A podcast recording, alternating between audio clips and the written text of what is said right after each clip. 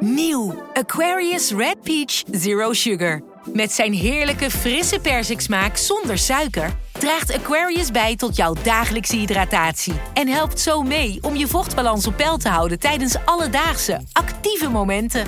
Thuis, op het werk of onderweg. Ook verkrijgbaar in smaken lemon en orange. Probeer hem nu. Wie reist met NS, reist net even anders. Wij reizen groen, zonder moeite te doen. Oh, zo kan je dus ook een dagje weg. En wij werken in stilte. In stilte? Nou ja, met oortjes dan. Oh. Zo gaan we iedere dag vooruit. Wij allemaal. Stap je ook in?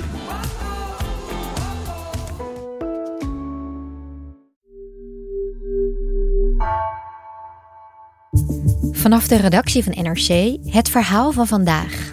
Mijn naam is Gabriella Ader.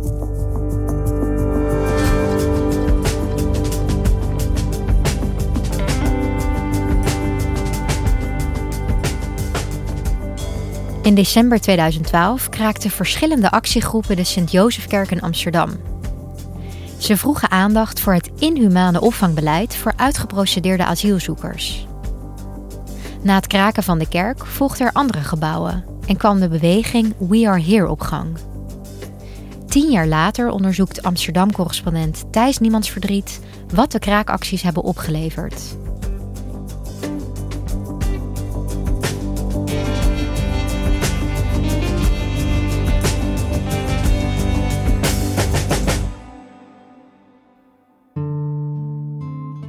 Afgelopen week sprak ik met uh, Younis Omar in Amsterdam. En Younis is een man van begin 40, um, afkomstig uit Zuid-Soedan. En ik sprak hem omdat hij een van de oorspronkelijke bewoners was van de Vluchtkerk. Dat is een kerk die tien jaar geleden uh, gekraakt werd in Amsterdam als opvang voor ongedocumenteerden die dakloos waren. En samen met Younis heb ik een foto bekeken. En dat is een foto die is genomen een week ongeveer nadat de vluchtkerk was gekraakt. En op die foto zie je 50, 60 uh, mannen of vrouwen. Allemaal de oorspronkelijke bewoners van de vluchtkerk. Uh, mensen uit alle windstreken, uh, uit Somalië, uit Afghanistan, uit Eritrea, uit Ethiopië, uit Soudaan. Ik heb die alle mensen geroepen om deze foto te maken. Dus ik zit erachter, helemaal daarachter. Dat weet ik. ik, ben, ik hou niet van de foto of camera of wat. Altijd zit ik gewoon achter. Voor het eerst was het eigenlijk zo dat door die kraak van die kerk een grote groep ongedocumenteerden een gezicht kreeg. En terwijl we die foto bekeken samen, zei hij ook tegen mij dat hij, dat hij het niet makkelijk vond om die foto terug te zien. Dus ik zie het gewoon een moeilijke tijd en een slechte tijd. Dat wil ik gewoon graag niet zien. Want het was gewoon niet makkelijk tijd. Het was gekke tijd. Was, uh, je ziet het gewoon, sommige mensen. Roesie elke dag in de kerk. Uh, dronken mensen soms. Stressmensen. Elke dag, elke moment. En dit was het begin van wat later de We Are Here beweging is gaan heten. Uh, ongedocumenteerden die overal in Amsterdam leegstaande kantoren kraakten. En daar ook mee naar buiten traden. En daar is heel veel aandacht voor geweest. Veel politieke beroering over geweest. Uh, veel uh, in, in de media over gerapporteerd. En wat ik wilde weten, tien jaar later, is eigenlijk wat is de erfenis van die kerk? En daarbij ontdekte ik dat um, de vluchtkerk wel degelijk van invloed is geweest op de manier waarop er in Nederland wordt omgegaan met ongedocumenteerden, met mensen als Younis. En hoe kwam die groep asielzoekers uitgerekend bij die kerk terecht? Uh, dit waren dus mensen die uh, een asielvraag hadden gedaan, die was afgewezen.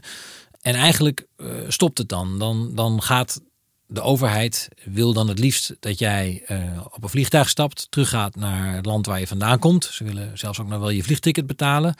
Maar de praktijk is dat heel veel van die mensen niet terug kunnen of niet terug willen. Ofwel het land waar ze vandaan komen wil ze niet terug. Ofwel ze kunnen wel terug, maar het is te gevaarlijk. Of ze, of ze willen niet meer. En wat er dan eigenlijk resteert is dat je uh, de illegaliteit ingaat. En dat je een leven gaat leiden in de marge van de maatschappij. En die groep had eerst gezeten in een tentenkamp een paar kilometer verderop in Osdorp. Um, Younis was een van de eerste mensen die daar een tent opzetten. Younes was al tien jaar in Nederland. Hij had een tijdje een verblijfstatus gehad, die was niet verlengd. Hij eh, was eigenlijk jarenlang vreemdelingendetentie in en uit gegaan. Eh, hij woonde op allerlei verschillende plekken. En hij legt hem ook uit hoe ingewikkeld het is om in Nederland te wonen als je eenmaal illegaal bent.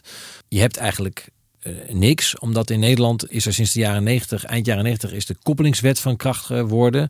Waardoor allerlei databestanden aan elkaar gekoppeld zijn. Waardoor je als illegaal eigenlijk bent uitgesloten van de meest basale diensten. Dus je kan niet werken, je kan geen bankrekening openen, je kan geen kaartje kopen voor het openbaar vervoer. En de winter kwam eraan. Het was ook een koude, gure winter. En um, het kamp werd ontruimd. En Younis en een groep anderen die besloten dat het genoeg was. En die gingen hun tentenkamp opslaan en zeiden we gaan kijken of we als groep, door de aandacht te trekken als groep, kijken of er een oplossing kan komen voor ons. Ik was gewoon vaak zeg maar, op die uh, park slapen en daarna later zeg maar, die plek waar ik werk eigenlijk. En dan ze hebben een kelder, dus was gewoon drie jaar in de kelder geworden ik dacht, oké, voor de rest van de mensen wil ik ook niet uh, dat hebben, zeg maar. Dus ik dacht, oké, wij moeten gewoon iets doen, zeg maar, voor die menselijkheid. En die ongedocumenteerde mensen in dat kamp hebben toen collectief besloten om zich te laten arresteren. Ze hadden een aanbod om op allerlei andere plekken in het land te gaan onderdak te krijgen, uh, tijdelijk. Maar dat wilden ze niet. Ze zeiden we willen als groep bij elkaar blijven zodat er voor ons als groep een oplossing gevonden kan worden. Ze hebben zich toen laten arresteren. Het grootste deel heeft maar heel kort uh, een nacht in een politiebureau gezeten. En daarna kwam er een groep activisten en die heeft gezegd: we moeten iets gaan doen voor deze mensen. En toen is besloten om die kerk te kraken. En een van de mensen die erbij betrokken was, was een activiste genaamd Savannah Kolen. Dus de zaterdagavond hebben we elkaar echt een beetje recht in de ogen aangekeken van ja, gaan we dit doen? Uh, dan moeten we ook wel echt verantwoordelijkheid nemen voor de periode daarna. En toen zei, zei iedereen, ja, laten we dit doen. We zien wel, we weten ook niet wat we op onze hals halen met 80 mensen die we niet kennen en uit allemaal verschillende culturen en vanaf verschillende afkomsten. En ja. Het was dus een hele interessante, eclectische groep eigenlijk die achter die Schelkerk schuil ging. Want er zaten asielactivisten bij, um, sommigen heel radicaal, hè, de no-border mensen, die vinden dat iedereen overal asiel zou moeten kunnen krijgen, onbeperkt. Uh, Savannah, uh, die kwam vanuit de politieke hoek, was actief bij GroenLinks, was student nog in die tijd. Er waren krakers, mensen die ervaring hadden met het kraken van panden. En er was een groep mensen die kwamen vanuit de christelijke hoek. Die waren verbonden aan de uh, protestantse diaconie. En die vonden vanuit hun christelijke levensovertuiging dat het onacceptabel was dat deze groep mensen onder zulke erbarmelijke omstandigheden leefde in Amsterdam. Dus er was heel veel aandacht voor in die tijd. En er was ook optimisme onder die activisten en ook onder de ongedocumenteerden, vertelde um, Savannah mij. Want het idee was eigenlijk dat doordat deze groep een gezicht zou krijgen, doordat er zoveel aandacht was, zou eigenlijk de overheid niets anders kunnen dan eh, een oplossing vinden voor die groep. En nou ja, ik kan het me ook nog heel goed herinneren. Ik weet dat er heel veel om te doen was. Um, ja, je zegt het al, een humaner beleid van, uh, voor asielzoekers. Was dat nou hetgeen wat initiatiefnemers echt wilden? Uh, het punt van die activisten ligt eigenlijk besloten in de naam die de beweging kreeg. We are here.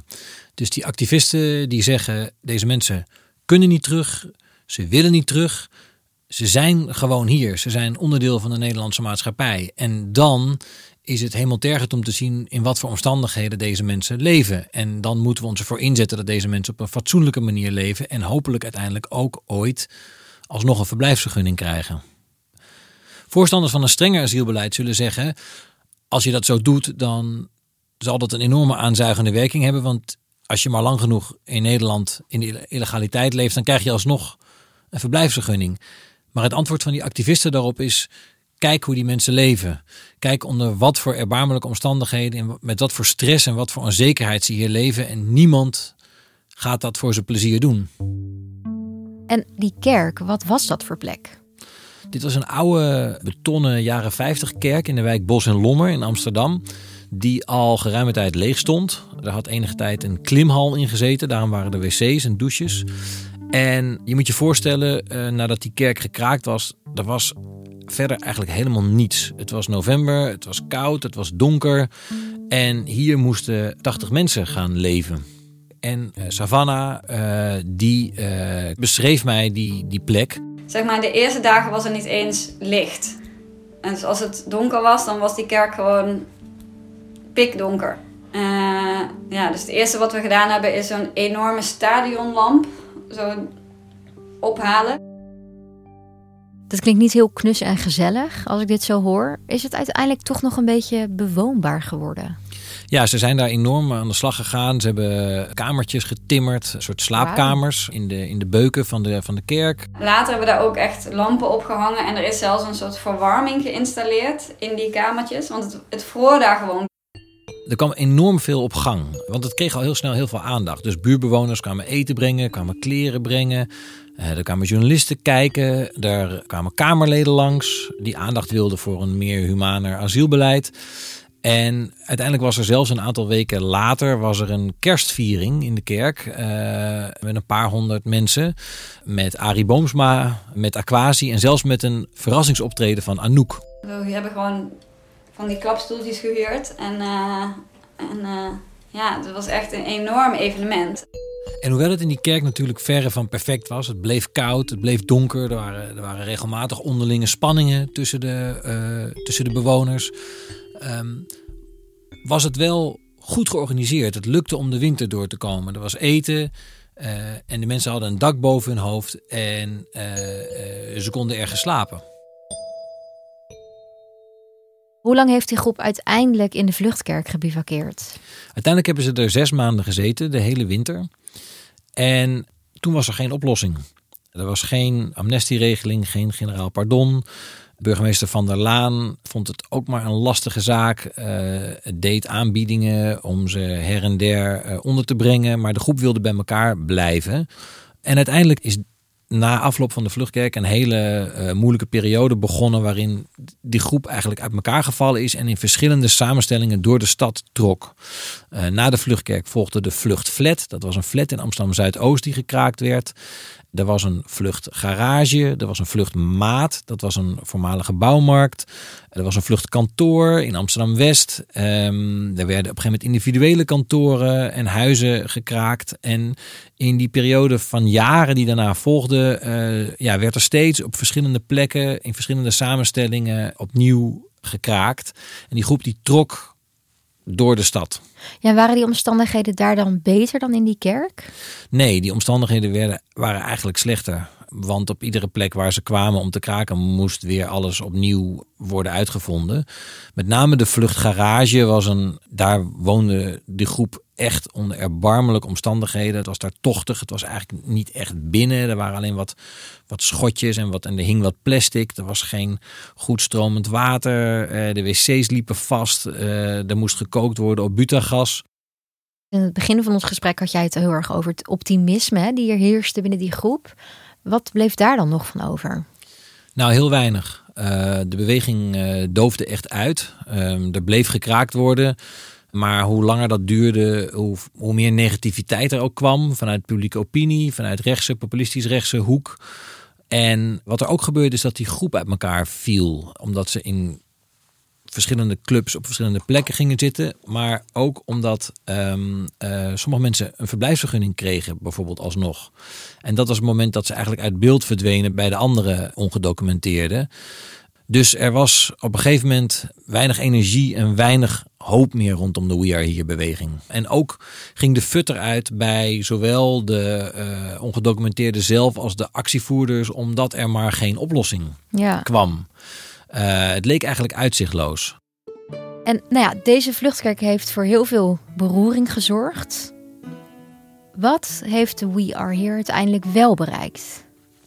Nou, als je er tien jaar later naar kijkt, dan zijn er eigenlijk twee dingen die opvallen. Het eerste is dat een heel groot deel van die groep mensen uh, uiteindelijk alsnog een verblijfsvergunning heeft gekregen. En wat is een groot deel ehm, ongeveer? Um, het is moeilijk om helemaal precies vast te stellen, want er zijn nooit lijsten bijgehouden. Maar ik denk dat je kunt zeggen dat in ieder geval meer dan de helft, misschien wel twee derde van die groep uiteindelijk alsnog een status heeft gekregen.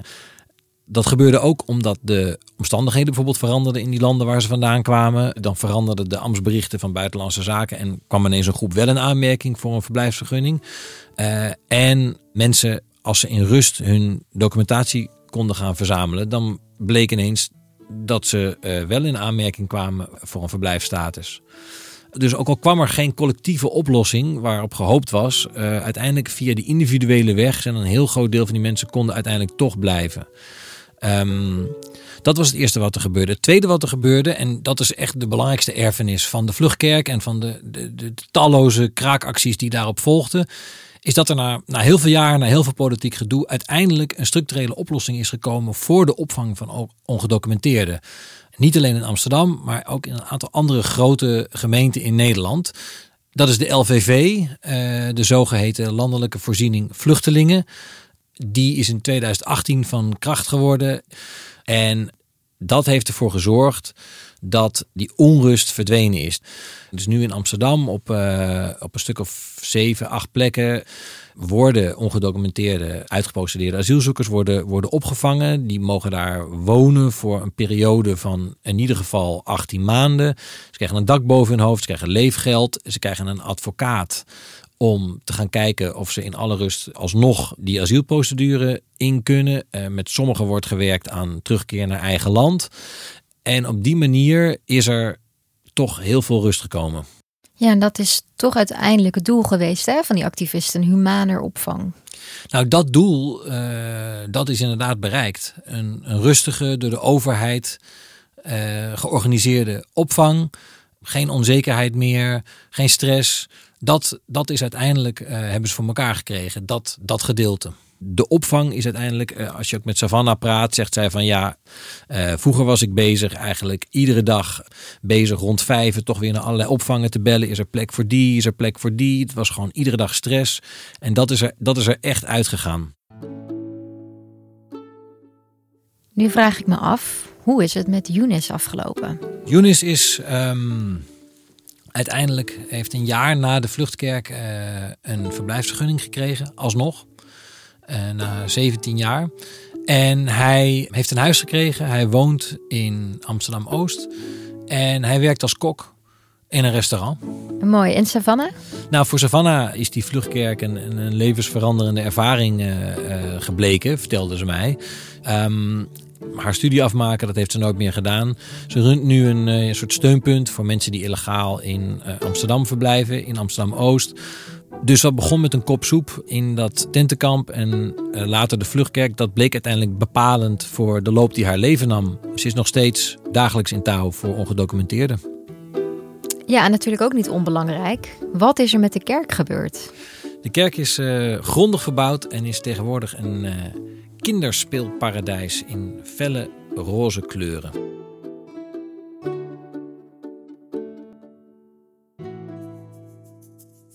Dankjewel Thijs. Graag gedaan.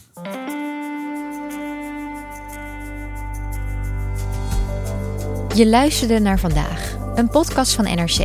Eén verhaal, elke dag. Deze aflevering werd gemaakt door Lis Doutsenberg, Mila Marie Bleeksma, Ignaas Schoot en Ruben Pest. Dit was vandaag, morgen weer.